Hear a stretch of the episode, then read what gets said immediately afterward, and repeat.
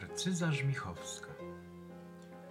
Urodziła się 4 marca w 1819 roku jako Narcyza Kazimiera Józefa Żmichowska, najmłodsza z dziewięciorga dzieci w niezamożnej rodzinie ziemiańskiej.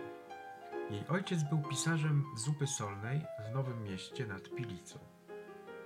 Była szlachcianką, ale niezamożną. Wszystko przez jej pradziadka, który wydziedziczył babcię narcyzy, kiedy ta wyszła z miłości za mężczyznę spoza stanu szlacheckiego. W jej ślady poszła córka Wiktoria Kiedrzyńska, która również miała za nic konwenansę i wyszła za nieszlachcica żołnierza z czasów Tadeusza Kościuszki, Jana Żmichowskiego. Imię nadał jej ojciec, wówczas urzędnik. Matka trzy dni po jej urodzeniu zmarła. Ojciec sam nie był w stanie zadbać o dzieci, stąd narcyzę wysłano do krewnych na Podlasie, do najmłodszej siostry jej babki Tekli Raczyńskiej. Kształcona od siódmego roku życia na warszawskiej pensji Zuzanny Wilczyńskiej, a następnie w Instytucie Guwernantek, gdzie jej nauczycielką była Klementyna Stańskich Hoffmanowa. Narcyza później jako nauczycielka krytykowała program wychowawczy Hoffmanowej, jej system pedagogiczny i metody nauczania. Pisząc wstęp do dzieł swojej nauczycielki, Żmichowska określiła jej spuściznę ironią, sarkazmem i drwiną, zarzucając jej męski punkt widzenia, konserwatyzm i brak patriotyzmu, co w tej formie wydawniczej stanowiło skandaliczny precedens. Dlaczego? Bo ta hołdowała ówczesnej teorii, że młode kobiety powinny uczyć się wyłącznie tego, jak być dobrymi matkami i żonami. Instrukcja wymagała, by z żeńskich zakładów naukowych wychodziły troskliwe żony, żonne i sumienne gospodynie.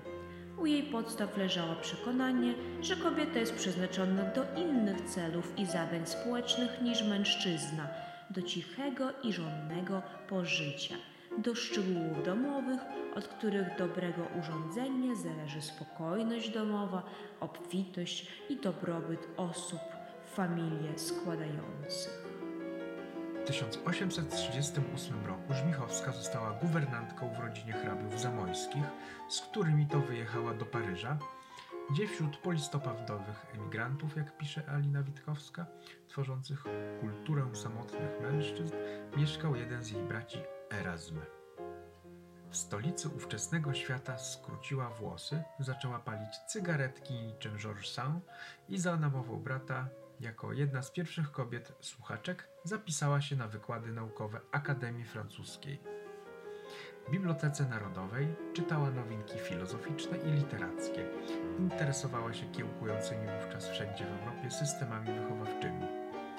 Pestoleciego i jego kontynuatora Frymla. Te zachowania, odbierane jako ekscentryczne, nie spodobały się pracodawcom narcyzy, którzy ją zwolnili. Wróciła więc do Warszawy. Stała się wziętą nauczycielką w polskich dworach ze względu na jej zaplecze intelektualne i świetny język francuski. Dostała pracę jako nauczycielka domowa czworga dzieci Stanisława Kisieleckiego w majątku pod Łomżą. Oprócz pracy zarobkowej wykonywała też pracę patriotyczną, ponieważ jak uważała, walka o niepodległość musiała jej zdaniem przyświecać każdej jednostce. Krążąc po trzech zaborach, zajmowała się kolportażem broszur i książek w Królestwie Polskim zakazanych. Publikowała m.in. w Pierwiostku, Pielgrzymie i Przeglądzie Naukowym. W latach 40. w Warszawie zgromadziła wokół siebie grono uczennic emancypantek, które nazwała entuzjastkami, któremu przewodniczyła pod pseudonimem Gabriela. Ruch uważany jest za pierwszy w Polsce ruch feministyczny. Dorastające dziewczęta domagały się wolności w wyborze życiowych partnerów oraz prawa do kształcenia i aktywności w przestrzeni publicznej. Wiele z tych kobiet nigdy nie wyszło za mąż. Swoje relacje z dziewczętami i kobietami będzie nazywać posiestrzeniem na długo przed ukuciem feministycznego terminu siostrzeństwo. Amazonki te miały rozmaite kategorie. Najszlachetniejsze i w istocie niepospolite to entuzjastki. Bledszym ich odbiciem są późniejsze emancypantki, a światową ich parodią lwice, które wzięły z nich tylko najbardziej zewnętrzne cechy. palenie cygar, krótkie włosy, swobodę w wypowiadaniu sądów. Pisał o entuzjastkach Tadeusz Boj Żeleński. Do kręgu entuzjastek zaliczane są m.in. Eleonora Ziemięcka, pierwsza polska filozofka, Kazimiera Ziemięcka, działaczka na rzecz edukacji dzieci, budująca ochronki w swoich majątkach, Bibianna Moraczewska, publicystka, Emilia Gosselin, autorka gramatyki języka polskiego, Anna Skimborowiczowa, autorka książek dla dzieci oraz ważna postać w życiu narcyzy, Paulina Zbyszewska, zamożna, wykształcona, znająca kilka języków arystokratka. Działalność entuzjastek nie ograniczała się tylko do prowadzenia dysput o sztuce i literaturze. Równie ważną rolę odgrywała w ich życiu zakonspirowana działalność polityczna, między innymi kontakty z Towarzystwem Demokratycznym Polskim. Jak pisał Boj Żeleński, syn jednej z uczennic żmichowskiej. Polska wygląda w tej epoce na rodzaj ula, którym Gabriela jest królową pszczół, a mężczyźni, nawet ci niezgorsi, robią wrażenie trutni. Mąż jednej z entuzjastek mawiał filozoficznie do żony. Bo wy się w swoich przyjaciółkach kochacie, to wam już dla mężów miłości brakuje. Przez wiele lat prowadziła zażyłą i osobistą korespondencję ze swoją uczennicą Wandą, późniejszą żoną Władysława Żeleńskiego i matką Tadeusza Boja Żeleńskiego, a także z Bibianną Moraczewską. Sytuacja polityczno-obyczajowa paradoksalnie sprzyjała autorce Poganki. Podczas powstania listopadowego w 1830 roku i po nim, kiedy walczący mężczyźni byli aresztowani i zsyłani na Syberię, kobiety przejęły ich obowiązki, pracowały, utrzymywały rodzinę i pokazały, że świetnie sobie radzą. Entuzjastki zaangażowane były w praktyki polityczne. Opowiadały się po stronie bezimiennych, niezwiązanych z elitami spiskowców, np. młodzieży szkolnej. W 1845 roku założyła ona własną pensję dla dziewcząt, dla której sama napisała podstawę programową przy ulicy Miodowej w Warszawie. Tam zresztą potem mieszkała, a jej mieszkanie nazwano Miodogórzem. Uczennice miały dwie drogi do wyboru: naukową lub rodzinno-gospodarczą. Podstawą nauczania było pięć przedmiotów: arytmetyka, geografia, nauki przyrodnicze, historia i języki. Oprócz tego kluczowe było wyrabianie świadomości patriotycznej i indywidualne myślenie.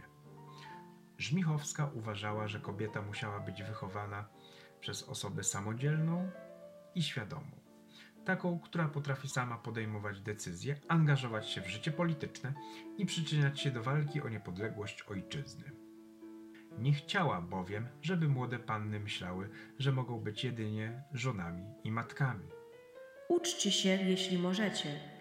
Umiejcie, jeśli potraficie, i myślcie o tym, żebyście same sobie wystarczyły, bo w razie potrzeby nikt na was z opieką i wsparciem nie czeka.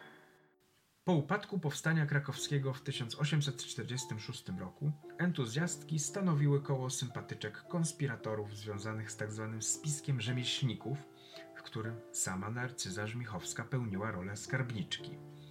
W tym też roku napisała Pogankę, która to ukazała się w 1846 roku w przeglądzie tygodniowym i przez 15 następnych lat, aż do zbiorowego wydania dzieł Żmichowskiej, nie została wydana w formie książkowej. Mimo to była znana. Czytelnicy pożyczali sobie nawzajem stare egzemplarze czasopisma, by zapoznać się z tym utworem. Poganka traktuje o miłości cielesnej i chrześcijańskiej o namiętności i nieczułości, o powinności patriotycznej i rodzinnej, o odpowiedzialności wobec własnego sumienia i poczucia bezsensu jakiegokolwiek działania. Żmichowska w liście do przyjaciółki przyznała się do zobrazowania w powieściowych bohaterach najbliższego sobie grona, co prowokowało pytanie o to, kim jest w niej ona sama i podsycało plotki o jej homoseksualizmie. Po wykryciu spisku rzemieślników w 1849 roku pisarka trafiła na ponad dwa lata do lubelskiego więzienia, a następnie cudem uniknąwszy zsyłki na wschód w 1852 roku została skazana na dodatkowe trzy lata aresztu domowego w mieszkaniu krewnych w tym mieście. Aresztowano ją nie tylko za działalność patriotyczną, ale też za frywolną korespondencję między nią a Pauliną, za niemoralność i szerzenie myśli konspiracyjnych. W okresie lubelskiego aresztowania pracowała nad programami nauczania chłopców z niezamożnych środowisk miejskich, kursów dla kobiet. Dopiero w 1855 roku mogła powrócić do Warszawy, dając lekcje na pensji dla panien oraz prywatne wykłady. Rodzaj wolnego uniwersytetu. Skupiła wokół siebie środowisko młodych kobiet. Kursy miały charakter nieformalny, uczennice określały je jako pogadanki pedagogiczne, a ich program zwiastował idee pozytywistyczne. Nauczano humanistyki, przedmiotów przyrodniczych i ścisłych, co podbudowane było holistycznym przekonaniem o postępie. Tadeusz Bojżeleński pod koniec lat 20. XX wieku opublikował korespondencję pomiędzy swoją matką a Narcyzą Żmichowską. Słuchaj, Narcyzo, matka twoja, gdyby żyła, przeklełaby miłość twoją, albo ciężka łza opłakałaby nasz związek. Moja jedyna, ja ciebie kocham całą siłą mojego bytu, ale aby cię godnie kochać, braknie i cnoty, i wzniesienia ducha. Nie dosyć jeszcze, ale co skarbów było w duszy mojej, wszystko ci oddałam, wszystko. W tobie tylko przychodzę do uczucia samej siebie. Brzmiał opublikowany przez Boja Żeleńskiego list entuzjastki Pauliny Zbyszewskiej do Żmichowskiej, kiedy ta przebywała w więzieniu. W 1861 roku staraniem przyjaciół wydano dzieła Narcyzy Żmichowskiej zawierające utwory Dwoiste życie, Ścieżki przez życie, Biała róża. Po upadku powstania styczniowego Narcyza zamieszkała na wsi u rodziny, ucząc dzieci w zamian za utrzymanie. Dopiero w 1876 roku wróciła do Warszawy, wynajęła mieszkanie przy ulicy Frascati, zaczęła pisać utwór Czy to powieść? Była to próba rozrachunku ze swoją twórczością i swego rodzaju biografia.